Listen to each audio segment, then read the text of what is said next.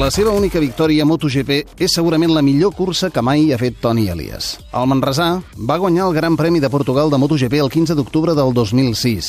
Amb una onda privada de l'equip Gresini, va creuar la meta només amb dues mil·lèsimes d'avantatge sobre Valentino Rossi i 176 sobre Kenny Roberts Jr. Rossi leads the way. Elias is there. Rossi under the fairing, but absolutely side by side. They come over the start and finish line now. Who is going to win Elias. the race? And Tony Elias wins.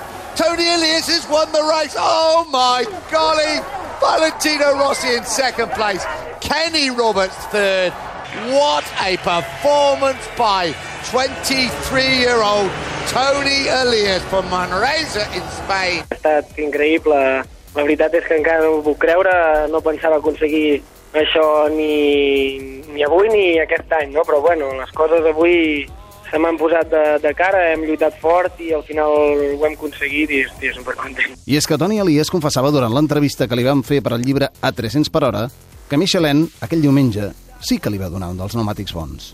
I gràcies a això, la volta final va ser de les d'emmarcar, amb el Manresà fent un doble avançament als dos rivals per la victòria al final de la recta ambaixada d'Estoril. And Elias is an absolute demon of late braking. And it's Elias has taken the lead. Tony Elias has taken the lead. Roberts is alongside him. Rossi has been relegated to third place.